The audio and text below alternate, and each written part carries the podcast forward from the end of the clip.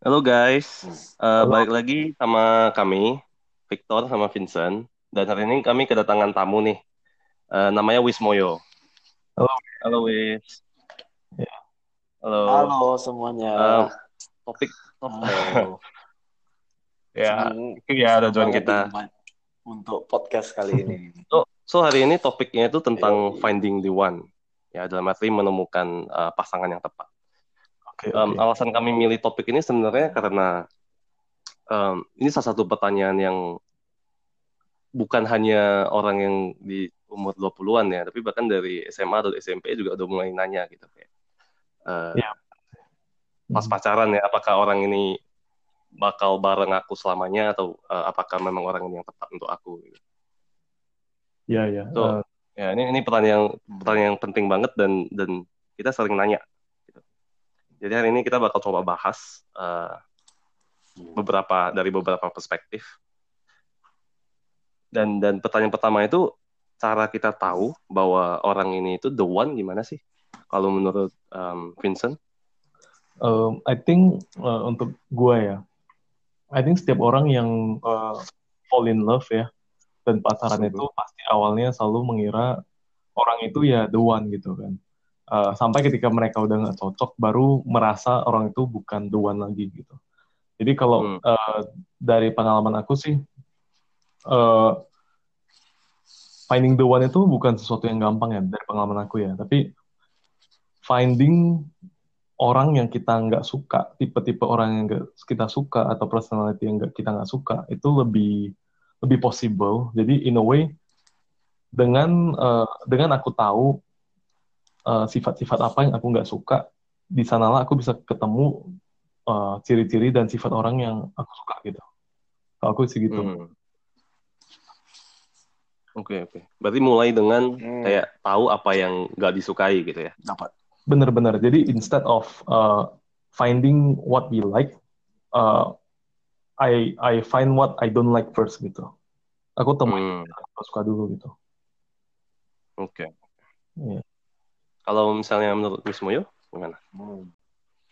Kalau Iya. menurut gua, cara mengetahui itu orang yang untuk misalnya kita nikahin Iya. itu banyak ya, banyak banget ya menurut gua. Cuman eh, salah satu yang gua rasa penting itu orang tersebut eh, cocok dengan keluarga eh, dan teman-teman. Oh, I see. Ya. Oh, salah satunya ya saya gua saya rasa gua rasa sih banyak banget faktornya mungkin kita nanti bisa diskusi lagi ya apa poin-poin yang lain gitu ya maksudnya gimana Hmm. supaya kita bisa orang tersebut itu yang yang yang kita mau nikahin gitu tapi poin yang salah satu menurut gua penting itu yang tadi dia itu uh, get along well dengan orang tua terutama sih orang tua ya terutama orang tua dan keluarga dan teman-teman dan orang di sekitar kita sih itu oh gitu. Oke oke. Mm-mm. Jadi kalau aku lihat tuh, em, Wis itu ada ada ada udah ada kriteria tertentu ya untuk kayak nentuin apakah dia itu the one atau enggak. Cuma Hmm. kriteria ini tuh em, Wis pelajari dari hubungan sebelumnya atau atau gimana? Kayak, kayak- Hmm, kriteria untuk tahu dia.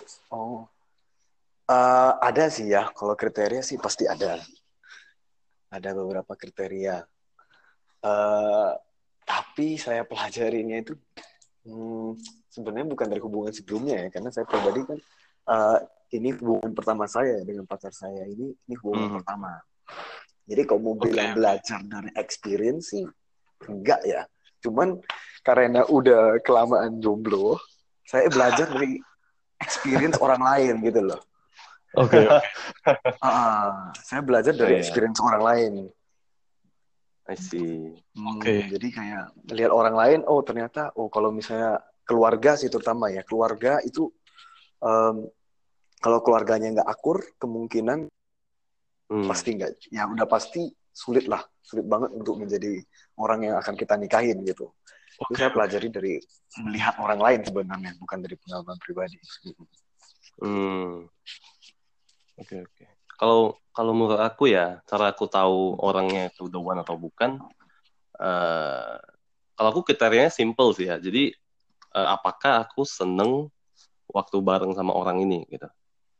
Oke. Dan dan apakah aku masih ingin uh, hidup bareng selamanya kalau kalau tentang keluarga menurutku itu faktor yang lumayan kuat sih ya dan dan lumayan um, uh, bisa bikin trouble lah untuk banyak relationship. Hmm.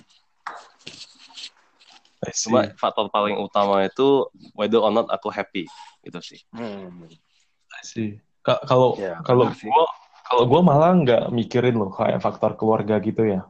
Kalau dari sisi hmm. gue ya, uh, dari sisi gue itu malah uh, gue lebih ke arah uh, gue bayangin kira-kira kalau misalnya gue tiap hari lihat orang yang sama orang ini uh, gue mau nggak sih gitu tiap hari ketemu dia kan. Bisa nggak sih hmm. gue uh, tahan dan ketemu orang yang sama tiap hari? Kalau iya uh, jadi gue ngerasa the one gitu. Hmm. Hmm. benar sih. Benar benar. Pasti pasti. Salah satunya lagi. Ya um, ya ya in a way gue gue ngerasa kayak I think gak ada yang sempurna ya. Jadi uh, eh, gue memilih orang yang kelebihan dan kekurangannya gue bisa terima gitu. Karena nggak mungkin ada yang hmm. sempurna. Iya iya. Setuju banget ya, dan itu bakal kita bahas karena lebih kalau... dalam lagi ya tentang itu. Iya iya, iya pasti pasti. Oke. Okay. nah pertanyaan kedua nih. Um, hmm. kalau misalnya kita udah kita bisa tahu ya uh, apakah dia tuh the one atau bukan? Pertanyaan kedua adalah bagaimana kita bisa menemukan the one in the first place. Hmm. Cara kita carinya gimana? Kalau menurut gue sih pertanyaan yang sulit dijawab ya, sulit dijawab untuk mencari orang yang tepat. Karena kalau menurut gue kalau dicari itu ya nggak bakal dapat gitu. Hmm. Karena kriteria the one itu sulit didefinisikan. Gitu kriteria mm-hmm. orang yang tepat itu kayak gimana sih? Kalau kita udah ada pemikiran di awal, oh kriteria orang yang tepat itu seperti ini, dia harus pinter, harus cakep, harus gini, nanti apa ya contoh itu kayak jadi punya ekspektasi yang bakal orang ini bisa jadi nggak nggak nggak nggak nggak live up to gitu loh. Jadi hmm. akhirnya kita kecewa terus. Kalau kita pribadi udah ada kriteria the one itu harus kayak gimana? Dia harus pintar harus secara harus seksi harus gini gitu loh. Iya sih. Jadi menurut gua uh, the one itu enggak kita enggak kita kriteriain di awal gitu. Tapi hmm. kita temukan atau kita create gitu loh. Kita sambil dengan jalannya relationship kita itu uh, bisa menerima dia apa adanya Oh, bener okay. sih, bener sih. Uh, bisa solve problemnya bareng gitu. Yeah. Bisa uh, ya terima dia apa adanya sih sebenarnya. Jadi itu itu itu baru jadinya the one gitu loh. Oh. Karena kalau kita fokusnya dicari, mencari itu itu the, uh, comes with expectation.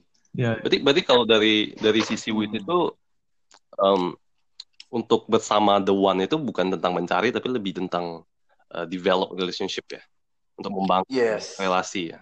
Yes. Yes. Ya. Oke. Oke. Begitu. Oke. Kalau ya, kalau menurut Vincent gimana? Um, uh, aku mau tambahin dikit ya tentang point of view-nya Wis ya. Menurut gue itu menarik banget ya. Uh, karena sekarang ini uh, banyak orang yang punya berbagai kriteria, ya, punya berbagai kriteria kayak orangnya harus uh, pinter, harus ya kaya, harus uh, cakep ya dan sebagainya itu jadi sesuatu yang uh, punya ekspektasi tinggi, jadi nggak gampang untuk ketemu the one. Uh, aku kasih contoh hmm. deh, misalnya uh, untuk cowok ya mungkin dia akan ada kriteria, mungkin oh dia harus putih, harus kurus ya dan sebagainya. Dan si cewek punya kriteria dia harus tinggi ya, dia harus ganteng, dia harus kaya dan sebagainya. Jadi ketika dari pihak cowoknya ada ngefilter, pihak cewek juga ngefilter, itu akan sangat susah untuk ketemu ya. Menurut gue akan sangat susah untuk ketemu. Kecuali kecuali cewek atau cowok ini kenal banyak banget orang ya. Tapi kalau mereka kenalnya orangnya sedikit ya ya nggak akan ketemu karena volume volume juga kecil kan. Terus ntar komplain nggak ada yang mau gitu. Iya benar. Dia komplainnya komplainnya jodoh gitu. Padahal memang kriteria atau filternya itu terlalu niche atau terlalu sempit. Tapi volume orang yang ada di depan mereka itu dikit gitu. Benar kan? Hmm, hmm, Gitu. benar. Kalau menurut Victor gimana? Kalau menurut aku ya, aku setuju dengan Wis ya tentang eh, relationship itu dibangun, jadi bukan ditemukan. Dan em, cuma dari sisi lain, menurut aku kalau kita bangun relationship dengan orang yang beneran kita suka, itu jauh lebih gampang. Oke. Benar. Jadi jadi kombinasi antara apakah aku cocok dengan dia nih, secara personality, secara sikap mungkin, dan apakah aku happy dengan dia, dan juga eh, face obstacles yang datang gitu. Karena menurutku di relationship itu pasti ada lah masalah kan. Nggak di tahun pertama atau di tahun kedua atau mungkin pas tahun keempat baru kelihatan, tapi pasti ada masalah yang datang dan dan whether or not kita stay di, di relationship itu ya bagaimana cara kita untuk eh, solve masalahnya. Hmm. Oke. Kita menyikapinya ya. Hmm, hmm, hmm. Aku aku mau tambahin dikit sih ya. Uh, I mean, uh, ak- meskipun tadi aku bilang bahwa uh, kebanyakan filter itu bikin jadi susah ketemu, tapi itu kalau vo- volumenya kecil, ya. Maka volume kandidatnya itu dikit. Tapi untuk uh, orang yang banyak Herring ya. kayak, kayak kalau uh, orang yang banyak bersosialisasi ya filternya banyak nggak apa-apa gitu. Kenapa? Hmm. Uh, optionnya atau pilihannya banyak banget gitu. Jadi kalau dia filternya banyak juga nggak apa-apa, bener gak? Hmm, Hmm. benar benar benar. Chancesnya lebih tinggi untuk ketemu. Yes, yes. Jadi kalau bisa kita bayangin uh, kayak rumusnya itu adalah tergantung volumenya berapa dan filternya gimana. Jadi kalau volumenya tinggi, filternya itu banyak nggak apa-apa. Tapi kalau volumenya volumenya sedikit, terus filternya banyak akan susah ketemu. Waduh. gitu. Iya. Kacau. Ya, jadi ya, ya, eh, yang aku berusaha emphasize itu adalah nggak ada salahnya punya filter gitu menurut aku. Hmm. Meskipun itu bisa nggak ada salahnya. So- eh, contohnya ya aku sendiri itu aku lumayan eh, picky sebenarnya gitu. Aku ya fair-fair aja aku awalnya lihat dari fisik dulu. Kalau misalnya aku rasa nggak suka ya aku nggak akan peduli sama sifatnya gitu awalnya gitu. Maksudnya sebagai pasangan gitu ya. Ah, aku sih fisik dulu sih. Baru Hmm. Sifat gitu. Tapi kalau fisiknya aja aku udah nggak cocok ya aku nggak akan consider jadi pasangan hidup. Ya memang ya aku mikirnya gitu. Hmm. Jujur aja gitu. Ini, ini, ini boleh dibahas ya tentang fisik dan personality ya. Ya boleh Saya boleh. sering kali ya orang-orang mikir tentang kayak apakah aku milih fisik atau milih personality gitu. Em, Iya. Kalau pendapat kalau pendapat aku sih fisik itu lebih tentang ketertarikan ya secara fisik daripada tentang kayak apakah dia harus putih atau rambutnya harus panjang atau bibirnya harus gimana gitu. Tapi lebih lebih tentang ketertarikan sih. Jadi Mhm. jadi walaupun kriterianya gak spesifik, tapi kalau aku tertarik secara fisik, ya aku pengen tahu personality-nya. Gitu. Bener. Kalau menurut Wis gimana nih? menurut gue tetap eh gue lumayan setuju sih dengan dengan yang yang dibicarain Vincent di awal Hmm. itu pas kita ketemuin orang pun siapa pun itu kita otomatis ot- otak kita itu udah langsung oh ini orangnya secara kita udah nilai orang tuh pasti pertama itu secara fisik dulu Oke. Hmm. kalau memang memang bener sih pasti otak pertama itu kita nilainya fisik kalau cocok baru kita di personality-nya tapi tapi Ya. tapi logikanya emang fisik itu comes first gitu tapi fisik itu kan apa ya kayak definisi cantik dan eh, dan cakep dan lain itu kan bervariasi orang ke orangnya Subjektif ya? Ah, subjektif banget ya, subjektif banget. Jadi eh, di mata kita yang di mata yang, yang- di mata kita yang cantik itu belum tentu cantik di mata orang lain kan. Ya. Hmm. Hmm. That's true. Jadi seben- dan dan ini ada ada ada yang menarik sih tentang ini. Gue, gue pernah baca Em, tentang fisik itu orang cenderung lebih eh, tertarik kepada orang yang mukanya mirip dengan diri dia sendiri. Masa sih? Hmm. Iya, beneran. Itu aku pernah dengar-dengar tuh, Jadi tentang ada itu. pernah satu, satu riset yang Hmm. di mana itu ada orang yang diminta untuk memilih muka orang dan Hmm. eh, di- di- dia diberi mungkin ada 10 sampai 15 muka orang deh yang Oke. random dan dia diminta pilih orang eh, dari muka itu yang paling dia tertarik itu yang mana gitu. Hmm. Dan risetnya ini mengatakan ah, ini ini intinya apa ya hipotesisnya terakhirnya nih kayak resultnya itu orang itu memilih muka yang ternyata ada fiturnya itu mirip banget dengan mirip muka dia gitu. Si. Oh.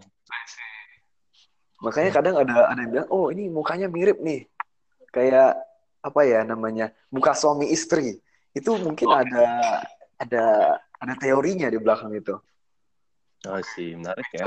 Make sense sih. Oke. Jadi kita lebih tertarik dengan yang similar ya, yang mirip ya. Yang benar, yang simi- Iya, ya kalau risetnya sih mengatakan seperti itu. Hmm. Tapi kita pasti menilai dari fisik dulu ya. Tapi Oke. ya kembali lagi. Oke, dan- oke, asumsinya kita tertarik sama fisik at- eh, lawan jenis yang mirip dengan kita nih misalnya nih, asumsinya begitu. Hmm. Tapi kalau menurut gue, kalau personality ya, I think eh, gue itu tertarik sama eh, lawan jenis yang personality-nya itu bertolak belakang sama saya gitu. Oh, oke. Gue temuin, gua temuin ya. Di mana kalau misalnya eh, orangnya personality-nya mirip gue, gue malah stres jadinya. Kalau gue sih gitu. Jadi nggak balance. gitu. Kalau kalian gimana? Eh, kalau aku ya, Hmm. hmm, kalau aku mungkin personality yang mirip bisa, yang berlawanan juga bisa sih ya. Oh iya, I mean- serius. Hmm. Karena nggak tahu ya, soalnya toleransi aku lumayan tinggi kan. Jadi Mhm. aku aku, aku merasa bisa bisa nerima gitu, walaupun personality-nya beda. Tapi Mhm. mungkin jangan terlalu jauh sih. Kalau terlalu jauh mungkin malah malah jadi eh, susah susah bangun hubungan kalau menurut aku ya.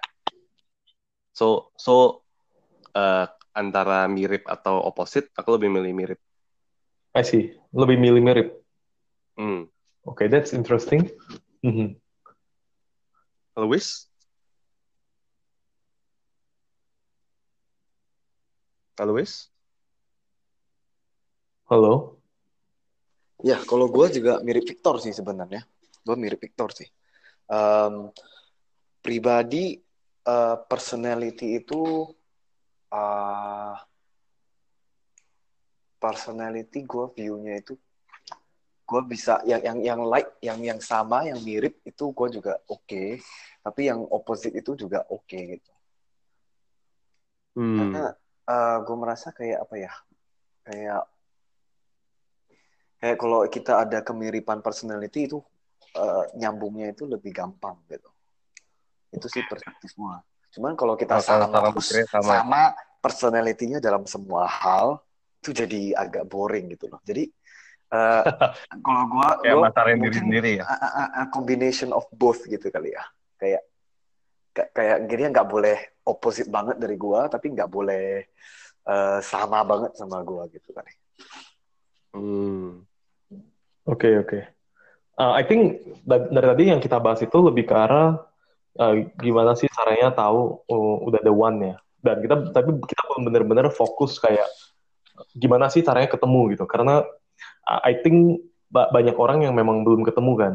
Kalau kita lihat Hmm. itu uh, zaman sekarang yang menurut gua orang mulai nggak nikah secepat zaman dulu gitu. Sekarang orang banyak yang tiga bulan tuh masih belum nikah ya. Dan yang nggak ada yang salah nggak ada benar, tapi artinya zaman sekarang tuh lebih susah ketemu the one, uh, padahal akses ke informasi makin banyak, which is ini aneh kan? Karena kita akses ke banyak orang, tapi lebih susah untuk ketemu the one. Kira-kira ini kenapa nih? Hmm, kalau menurut gue ini kembali lagi ke yang filter tadi ya, yang tadi di, di, di awal tadi kita ada bicarain sedikit ya. Mhm. Terlalu banyak filter-filter dan mungkin Mhm. volumenya terlalu dikit kali ya. untuk orang tersebut karena kalau bilang ini memang memang benar sih sistem informasi sekarang kita zaman digital tuh gampang banget. Sekarang ada Tinder gampang banget untuk ketemu hmm. orang. Cuman orang yang mau untuk akses untuk menggunakan akses tersebut itu mungkin terbatas kali ya. Mungkin ada yang malu pakai Tinder. Kan mungkin kalau di Indonesia kali masih masih ada stigma seperti itu ya. Stigma yeah, seperti yeah. itu. Jadi memang benar sih kalau uh, sistem in, apa era digital ini kita aksesnya lebih gampang. Cuman ke, jadinya tergantung orangnya juga ya jadi filternya udah banyak terus memang volumenya itu bisa kita memilih untuk enggak gitu jadi udah volume dikit filter banyak jadi orangnya nggak ketemu ketemu jadinya hmm oke okay. hmm. kalau kalau menurut aku malah karena volumenya terlalu banyak ya sekarang. Mm -hmm. Jadi uh, karena volumenya banyak, kita sebagai manusia juga nyarinya itu yang perfect dan selalu membandingkan yang yang udah kita ada sama yang belum kita ada gitu. Dan dan dengan dalam quest kita untuk mencari the one malah akhirnya jadi kita nggak nemu siapa-siapa gitu, karena volume terlalu banyak. Itu sih menurut aku ya. Gue setuju sih sama Victor ya. Jadi uh, I think uh, zaman sekarang itu kita punya banyak banget option ya pilihan uh, oke okay, tadi tadi gue udah ngomong option ini option yang beda ya jadi option yang sekarang gue ngomongin adalah option yang belum tentu orang itu mau sama kita gitu Kali maksud gue hmm. yang kita lihat ya berarti ya jadi option zaman sekarang itu uh, banyak yang bisa kita lihat tapi belum tentu bisa dijangkau bener gak Hmm. Tapi option yang tadi awalnya aku bahas, di mana orang boleh pakai banyak filter, adalah orang-orang yang bisa menjangkau semua orang itu. Oke, okay? jadi oke, okay, hmm. berarti kalau kita coba teliti lagi, mungkin uh, dari total orang yang bisa kita lihat, ada berapa persen yang itu bisa kita jangkau. Nah, dari orang yang bisa kita jangkau itu baru bisa kita filter, bener gak? Hmm. Jadi ada tiga hmm. layer, nah. ada tiga layer sekarang. Jadi bukan cuma tentang kalau kita bisa follow orang itu ya bisa jadian ya yang nggak gitu juga bener gak uh, lebih ke arah orang yang bisa kita lihat atau tahu dulu bisa kita jangkau baru bisa kita filter gitu. Jadi kalau orang yang bisa kita jangkau sedikit akan susah untuk ngefilter ya orang yang mungkin menurut masing-masing itu cocok gitu ya the one gitu.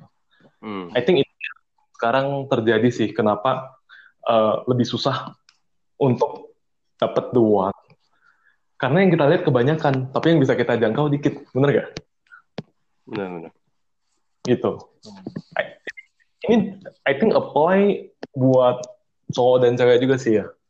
Jadi even buat cewek juga uh, sekarang karena bisa lihat semuanya uh, tiap orang punya dream wedding ya. Tiap orang punya yes. ideal. Oke okay, dia harus kayak kayak kayak di film Korea gitu kan. Wah hmm, harus uh, priwetnya gini gitu. Harus hmm. minimal gini gini gini nah. itu yang bikin uh, susah untuk ketemu orang yang tepat gitu hmm. Fil filternya terlalu dalam kali terlalu yes, buat cowok buat cowok juga gitu ya buat cowok juga gitu sebenarnya jadi hmm. buat cowok sendiri juga pilihannya banyak banget kan ya dan yeah, harus seksi cantik pinter lucu iya hmm. ya Kaya ada gak ya? Mungkin ada ya yang yang nyari yang kaya. Kaya.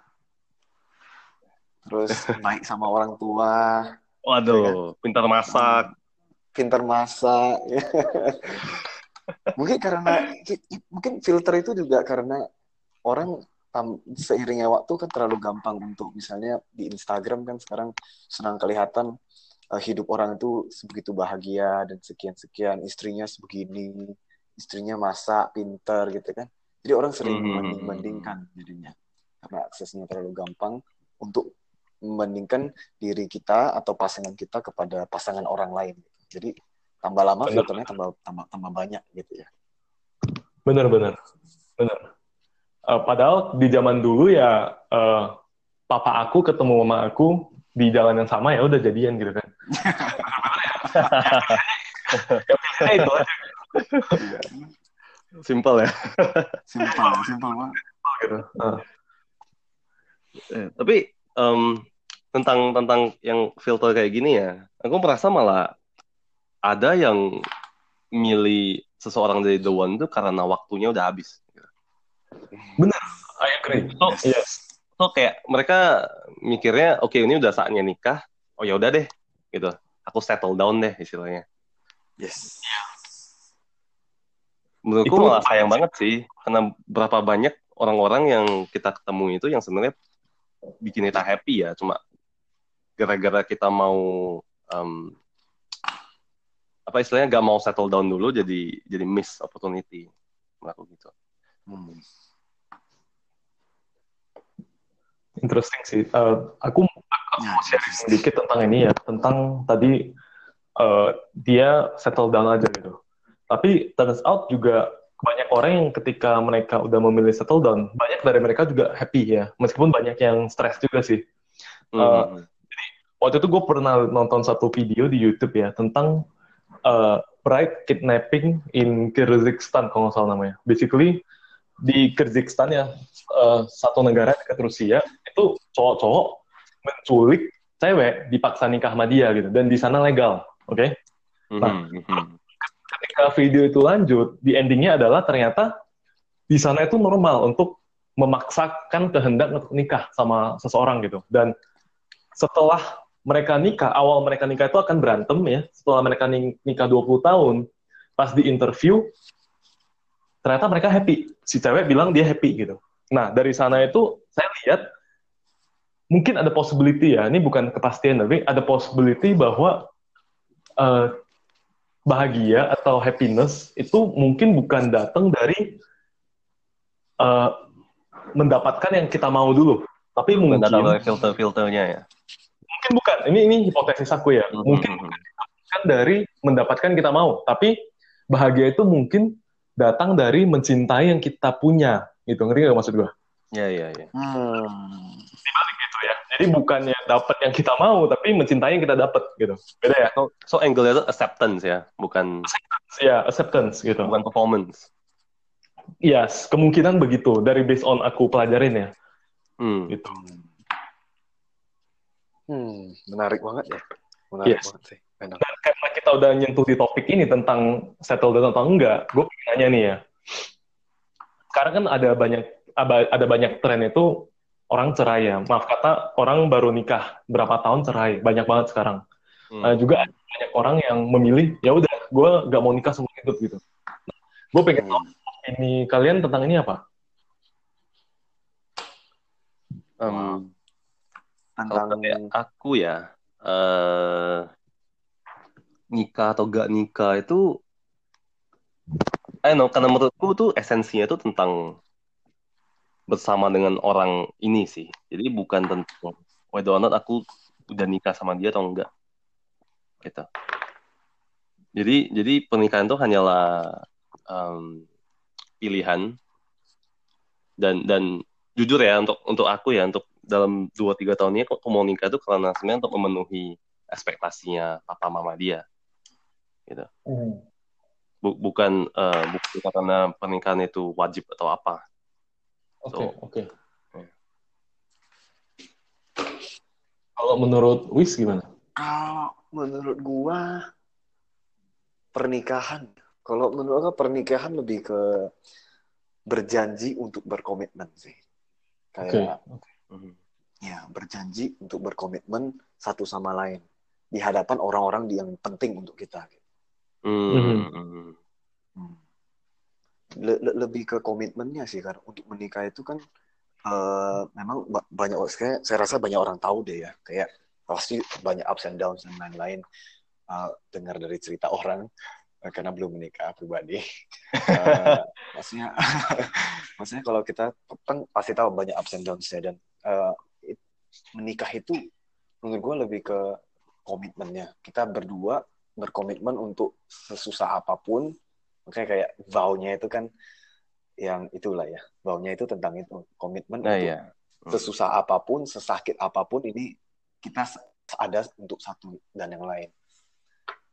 Kalau jadi kalau menurut gua uh, menikah nggak menikah um, sama orang yang nggak memilih untuk menikah ya itu bebas ya untuk dia cuman kalau gue sih pribadi milih untuk menikah ya karena untuk komitmennya itu sih untuk perjanjiannya itu di hadapan semua orang Hmm.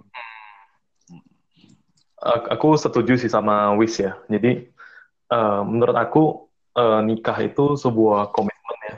Eh, kayak in a way komitmen untuk eh, menerima pasangan kita apa adanya sampai kita tua gitu. Di mana ya of course nggak mungkin ada orang yang nikah mereka punya rencana cerai nggak mungkin, bener nggak? Benar. Jadi, sebuah komitmen menurut gua. Eh, karena gue pengen eks- ekspansi lagi untuk dari segi topiknya ya bahwa eh, ini opini gue ya menurut gue itu eh, cinta itu ya sebuah komitmen gitu menurut gue jadi yes, yes, yes. jadi dulu itu gue kira cinta itu dalam bentuk feeling ya atau perasaan ya tapi Hmm. Eh, berjalannya waktu semakin gue ngerti tentang relationship gue menyadari cinta itu ya komitmen sebenarnya gitu Hmm. tiap hari kita memilih untuk mencintai orang yang sama setiap hari gitu. Jadi se- setiap hari itu ada decision untuk uh, fulfill komitmen yang kita bikin gitu. Ya menurut kalian gimana? Benar banget. Karena karena cinta itu kalau kalau sebagai perasaan perasaannya come and go ya. Ini menurut gua karena perasaan itu kayak kayak kentut ya. Maksudnya Ditahan gitu ya. ya, gini, perasaan kayak kayak kayak kentut pas kecium ya kecium gitu. Kalau udah nggak kecium ya hilang gitu. Ini Hmm. feeling. Jadi pas lu seneng, ntar bentar lagi lu sedih, bener nggak? Yes. Hmm. Ya, cinta itu sebuah perasaan, artinya cinta itu datang dan pergi dengan cepat dong, dengan orang yang sama. Which is itu aneh nggak sih? Hmm. Iya. Hmm. Terus Iya. Ani- Kalau menurut lu, Wis? eh eh, part ya, ya, setuju sih, setuju sih. Kalau kalau dengan dengan dengan pandangan Vincent itu benar sih menurut gua. Kalau kita nilai cinta itu dari men perasaan kita waktu itu doang sih ya come and go sih cepet banget. Jadi kalau sama sih ya kalau kita nilai cinta itu dari eh, dari visi orang, dari apa itu benar-benar cepet banget ya kayak oh nanti pasti ada yang lebih cantik, ada yang lebih pintar. Makanya penilaian cinta itu nggak bisa dari hal-hal seperti itu ya menurut gua. Iya. Hmm. Ben- Bener cinta itu komitmen. Karena kalau mau cari yang cantik pasti banyak yang lebih cantik. Kalau mau cari yang lebih pintar pasti banyak lebih pintar. Jadi nggak nggak akan Hmm. pernah habis gitu. Jadi lebih ke komitmen uh, dengan orang tersebut apa adanya. Itu Oh. Gimana? Eh, jadi so sweet gitu ya percakapan kita ya. Kalau kalau kalau aku sih ya, em, ya cinta itu komitmen dan untuk spesifiknya sih komitmen untuk menerima eh, orang itu apa adanya. Hmm. So Dan true. ya, dan itu yang bikin menurutku bikin cinta gampang-gampang sulit ya. Dalam arti selama kita masih berusaha mencari yang lebih baik, lebih cantik, lebih ganteng, itu cinta itu sulit. Tapi begitu kita em, berkomitmen untuk menerima orang ini, gitu, Hmm. cinta itu datangnya gampang banget, effort- effortless gitu ya. Yes. Yes. Yes. Gue gue pertama kali belajar tentang ini ya tentang komitmen ini itu ketika gue ambil point of view uh, papa mama ya dek. Jadi Mhm. point of view dulu gue bandel banget. Gue bener-bener dulu ya maaf kata dulu pas gue umur 12 itu gue bukan cuma bandel ya. Gue gue item, gue gendut ya karena tiap hari main basket terus makannya makannya banyak. Udah oke. Item, gendut, bandel, eh lawan orang tua, tapi papa mama gue tetap sayang banget sama gue gitu. Aneh ya. Iya, Gitu. iya. Jadi dengan angle begitu ya kemungkinan eh, cinta itu ya komitmen bukan sekedar feeling gitu. Hmm. Mama ya, tetap sayang maupun lu sebandel apa pun. Yes, yes. Jadi gue gua gua paham bahwa eh, cinta itu komitmen karena despite eh, kelemahan atau weakness gue banyak banget, ya papa mama tetap menerima aku apa adanya gitu. Iya nggak sih? Hmm, hmm, benar benar benar benar banget. Dan ya meskipun meskipun kadang anak-anaknya ngelihat itu bukan cinta gitu kan pas saat Hmm. itu juga. Tapi setelah kita look back sih itu sebenarnya cinta, cuma ya mereka love dari posisi mereka lah ya. Yes. Benar-benar. Oh nah, eh, aku pengen bahas ini juga sih sekalian ya. Soalnya kita udah bahas cinta ya. Um, Mhm. Menurut kalian itu eh, apakah orang itu perlu dicintai baru bisa mencintai? Oke. So ini, ini mungkin kalian nyentuh topik Hmm. ga- gimana biar bisa dapet atau nyari uang ya. Oke, oke. Em, ini gue duluan nih, oke. Jadi gue ngerasa ya eh, kalau manusia itu ya memang butuh dicintai gitu. Tapi in a way manusia itu kalau selalu menunggu dicintai akan sangat lama, bener gak? Karena lebih Hmm. itu kita mulai mencintai dulu, baru kita balik dicintai sama orang lain gitu. Itu lebih gampang dibanding kita nunggu kita dicintai dulu, baru kita mau mencintai. Hmm. Hmm. Nah, oke. tapi ini ini ini ada point of view lain ya. Di, di sisi lain, uh, aku mau tambahin bahwa memilih untuk mencintai seseorang itu sangat beresiko sebenarnya. Bener gak? Iya, iya. Yes, yes. Di- kalau misalnya kita udah mencintai seseorang, terus kita nggak di- dicintai kembali ya, itu kan Hmm. sedih, Sakit. kecewa pasti kan. Yes, Hmm. yes. Yes, pasti. Pastinya. Pasti. Tapi uh, kalau aku sih percaya ya cintai dulu aja gitu. Ntar apakah cinta itu balik atau enggak ya kita nggak pernah tahu, bener gak sih? Hmm. Cinta Yes. tanpa ekspektasi ya. Ya, ya, cinta tanpa ekspektasi gitu. Hmm. Menurut kalian gimana? Eh, kalau menurut aku ya, terutama untuk eh, anak-anak muda nih kayak cowok-cowok muda, semua anakku terlebih muda ya. Eh, sering kali kami itu eh, mencintai untuk dengan harapan untuk dicintai balik gitu. Benar, benar. Makanya ada banyak banyak em, cerita di mana cowok ngedate cewek, cewek gak mau, cowok sakit hati, terus cowoknya malah malah ngestak si cewek ini. Gitu. Stalk. Serem banget. Ya kan, ya kan dalam arti, dalam arti cowoknya sakit hati karena iya. cintanya nggak dibalas dan dia jadi demanding. Dia demand untuk cewek ini cintai dia Yes. sendiri. Yes. Nah, dan ya kalau kita bisa cinta tanpa ekspektasi, hal beginian udah bakal gak ada kan? Karena ya cinta ya cinta aja gitu. Kalau dia gak nggak balas cintanya ya udah gak apa-apa. Hmm. Hmm. Ya, I see, I get the point. Kalau kalau gue pribadi bener-bener sih menurut gue kan yang kalian sentuh dua poin itu spot on banget sih. Kayak kalau kita mencintai, kita kita mencintai, kalau kita dat, maksudnya kita datangnya dari mempunyai ekspektasi orang lain mencintai kita kembali itu pasti kita kecewa, pasti kecewa. Hmm. Karena sama hal seperti yang di awal tadi, kalau kita datangnya pokoknya dari ekspektasi orang ini akan mencintai saya, menyayangi saya, mengerti kondisi saya itu, wah pasti kacau balau tuh. Hmm. Jadi mencintai tanpa ekspektasi spot on banget menurut gua. Mencintai orang lain dulu tanpa ekspektasi, beri aja, um, ya mudah-mudahan kembali lagi cintanya. Hmm. Kalau ya, ya wis nggak apa-apa gitu. Gak apa-apa. Wish ya. Ya wis. Tadi kan memang kita ngomong idealnya itu kita mencintai tanpa ekspektasi nih, bener gak? Tapi Yes. untuk manusia biasa kayak gua, gua juga selalu ekspektasi kalau gua mencintai orang yang gue pengen dicintai gitu. Karena gue yakin ya, kebanyakan orang yang mungkin 99% orang kan punya ekspektasi begitu. Ya. Hmm. Eh, aku mau ambil point of view ini karena artinya kalau semua orang akan expect sesuatu, artinya semua orang kalau mau dicintai memang harus ambil resiko ini gitu. Hmm. Yang Hmm, aku of view. sukses adalah resiko ini pasti ada dan harus diambil berkali-kali. Karena kalau orang udah sakit hati dan nggak berani ambil lagi, akan sangat susah untuk menemukan the one. Bener gak? Benar, benar, benar.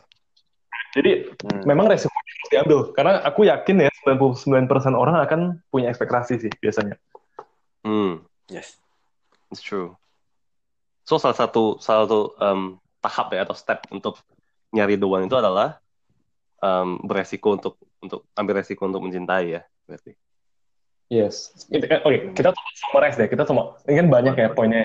Pertama itu dari oke, okay, harus bersosialisasi ya menjangkau banyak orang dulu, oke. Okay? Mm -hmm. Ketika pilihannya udah banyak baru bisa difilter. Kalau enggak nggak bisa difilter, bener gak? Kalau mm, cuma kenal bener. mau filter apa gitu kan. Terus terus setelah di Terus aku mau nambah nih. Tadi kan kita bahas tentang physical attraction ya. Jadi Iya, physical attraction. Nah, mm. aku, aku merasa gini nih. Salah satu yang paling penting itu untuk cowok-cowok muda juga ya adalah memperbaiki mm -hmm. penampilan sebenarnya. Oh, bener banget, bener. Nah, jadi ya meskipun meskipun meskipun kayak kita mau bilang oh kita cinta gitu tanpa lihat fisik, tapi kalau dipikir-pikir ya gimana ceweknya mau tahu tentang personality lo kalau misalnya dia belum tertarik secara fisik gitu. Benar, benar. Ya, jadi itu menurut salah satu sih ya untuk untuk uh, untuk kita kita ya. Hmm. Oke, oke, oke. Oke, aku coba summarize ya. Oh, oke. Okay. Oh, Chris mau ngomong dulu deh ngomong. Uh, uh, gue ada, ada ada ada satu lagi sih yang yang menurut gue agak menarik. Ada ada yang bilang itu kalau harus mencintai diri sendiri dulu, mm -hmm. baru bisa dicintai orang lain. Itu yes. Hmm. Yes. Hmm. Ya kita daripada mencari how to find the one ini, maksudnya daripada mencari the one ini, lebih baik fokus untuk menjadi orang yang tepat untuk orang lain. Pandangan Wah. kalian gimana tentang itu? Gue setuju sih, gue setuju banget. banget itu ya. Gue agree banget. Wah, ini ini point of view yang bagus banget nih. Oke, oke, lanjut lanjut. Gimana? Hmm, menurut kalian gimana maksudnya? Kalau kalau kalau dari gue dari gue pribadi sih uh, masuk akal ya menurut gue. gue setuju banget. Oke, okay. gue masih point of view gue ya. Ini. Uh -huh. yeah daripada kita memilih 10 orang, mending kita dipilih 100 orang, bener gak? so true. kalau gitu loh, Kebayang kalau kita udah milih 10 orang ya, belum tentu 10 orang, 10 orang untuk milih kita kan? Milih kita, bener. I, I think rumusnya berubah nih, benar. Rumusnya berubah nih. berubah. Oke, okay, gue coba summarize ya. Oke, okay, kita mulai dari pertama. Ya, kenal baca dulu ya, atau menjangkau ya sosialisasi ya. Yeah. Kedua, itu cintai diri sendiri dulu. Bener gak? Mm -hmm. Oke. Ketika kita cintai diri sendiri, kita menjaga penampilan, kita menjaga kesehatan, yeah, kita improve. Sehat. Nah. Yes, kita naikin karir kita dan sebagainya. Nah, setelah kita improve diri sendiri, baru kita memilih orang, bener gak? Kita memfilter kan, bener yeah. gak? Dan ketika kita memfilter dan memilih orang, kita harus dipilih nih, gitu. Bener gak? Mm -hmm dia percuma gitu. Kita bisa misalnya Angelina Jolie gitu kan. Kan kita nggak dipilih. Iya, ya. sama aja bohong iya. memilih itu sebenarnya gampang. Pilih yang susah tapi orang sering bilang nggak kamu yes, bener gak? Bener. yes. Bukan memilih. Hmm. ini sesuatu yang main going banget ya. Gue gue jadi kuncinya itu bukan finding the one, tapi be the one. Yes, be the one being found gitu. Benar.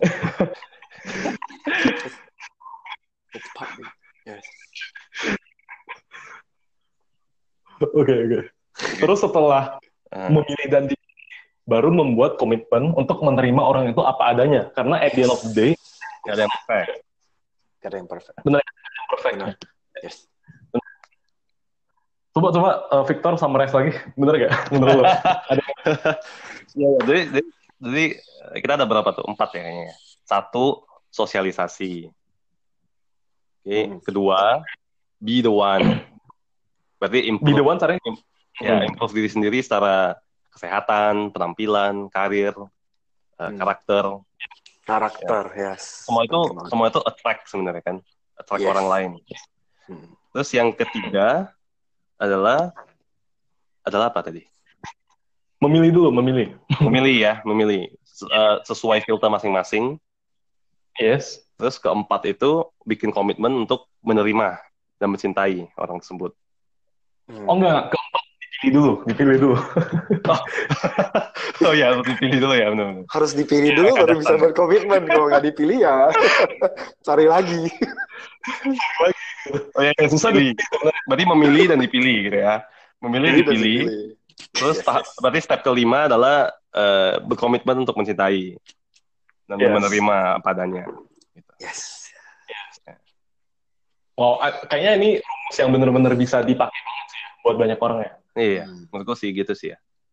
Ini gue nggak pernah kepikiran sedetail ini loh. Kali ini baru detail banget.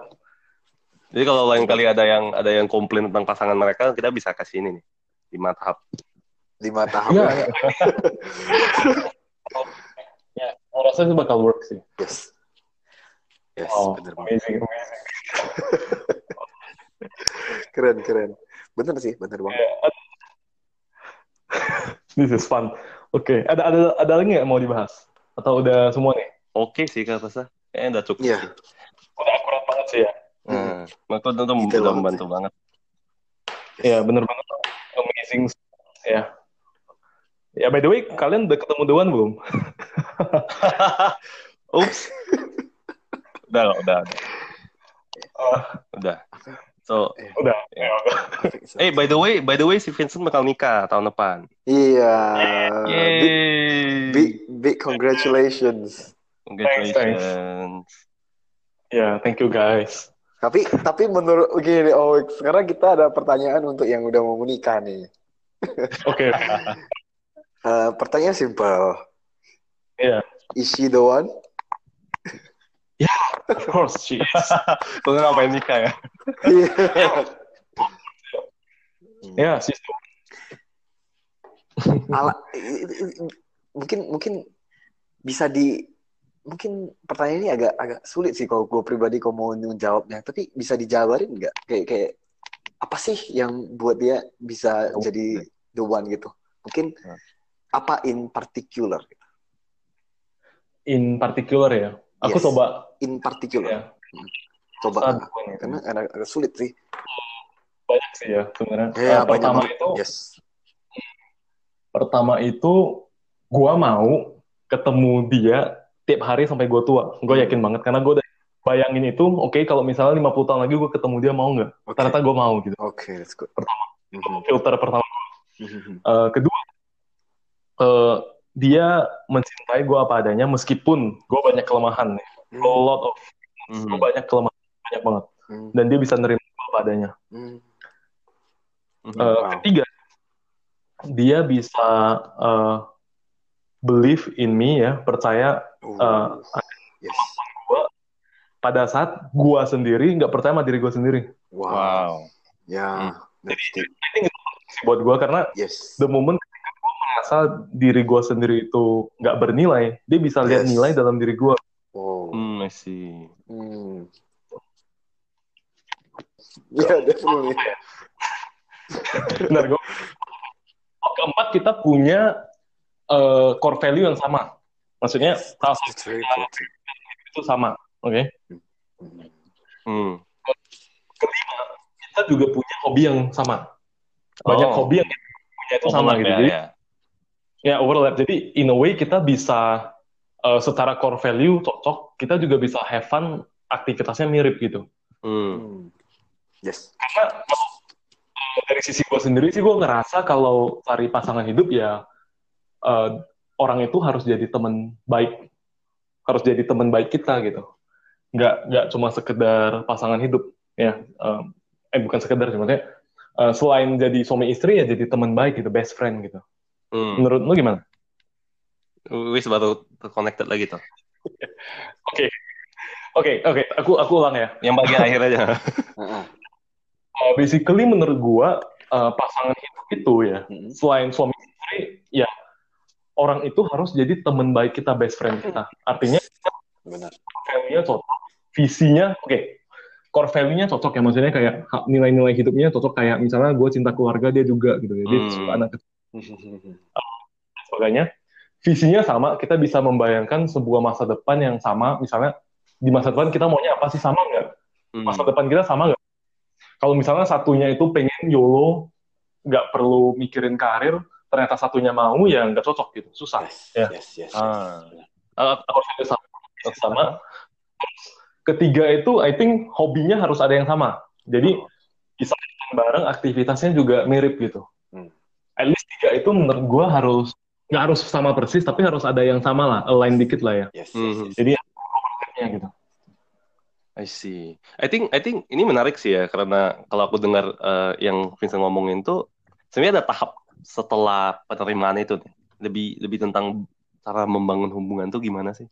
Mungkin tuh bisa kita bahas di next podcast ya, next episode. Yes, benar. Eh, menarik. Menarik, menarik, menarik banget. tapi tapi gue da- dari pembicaraan eh, Vincent ya, dari cara dia ngejawabnya itu ya memang udah pasti lah. nggak salah lagi, salah lagi karena semangatnya itu membara banget. Gue bisa gue bisa dari ya. suaranya itu, ya bisa bisa dengerin sih. big big big huge congratulations to you. Man. Yes. Oke lah. Oke. Oke. So, so kita, kita semua belajar banyak kali ini ya. Ya, seru banget, seru banget. Ya, kami kami harap eh, yang lagi dengerin juga belajar banyak hari ini. Eh, Iya. Makasih buat Wismoyo udah join kita. Thank you banget udah di invite di sini Yes. dua orang. ya. Mungkin bisa record lagi kita. Yo, Yo, iya. Tuh, uh, mau, mau, ngucapin doa nih, ngucapin doa untuk Hmm. uh, podcastnya Hubert Brothers ini. Semoga thank you. Wah, mantap. lain lebih banyak kepada lebih banyak orang lagi. Uh, ini hanya awal awal dari sebuah hal yang lebih bagus, lebih lebih mantap untuk kalian berdua. Amin. Oh, thank you banget, Wings. Thank you so much. Oh, thank you.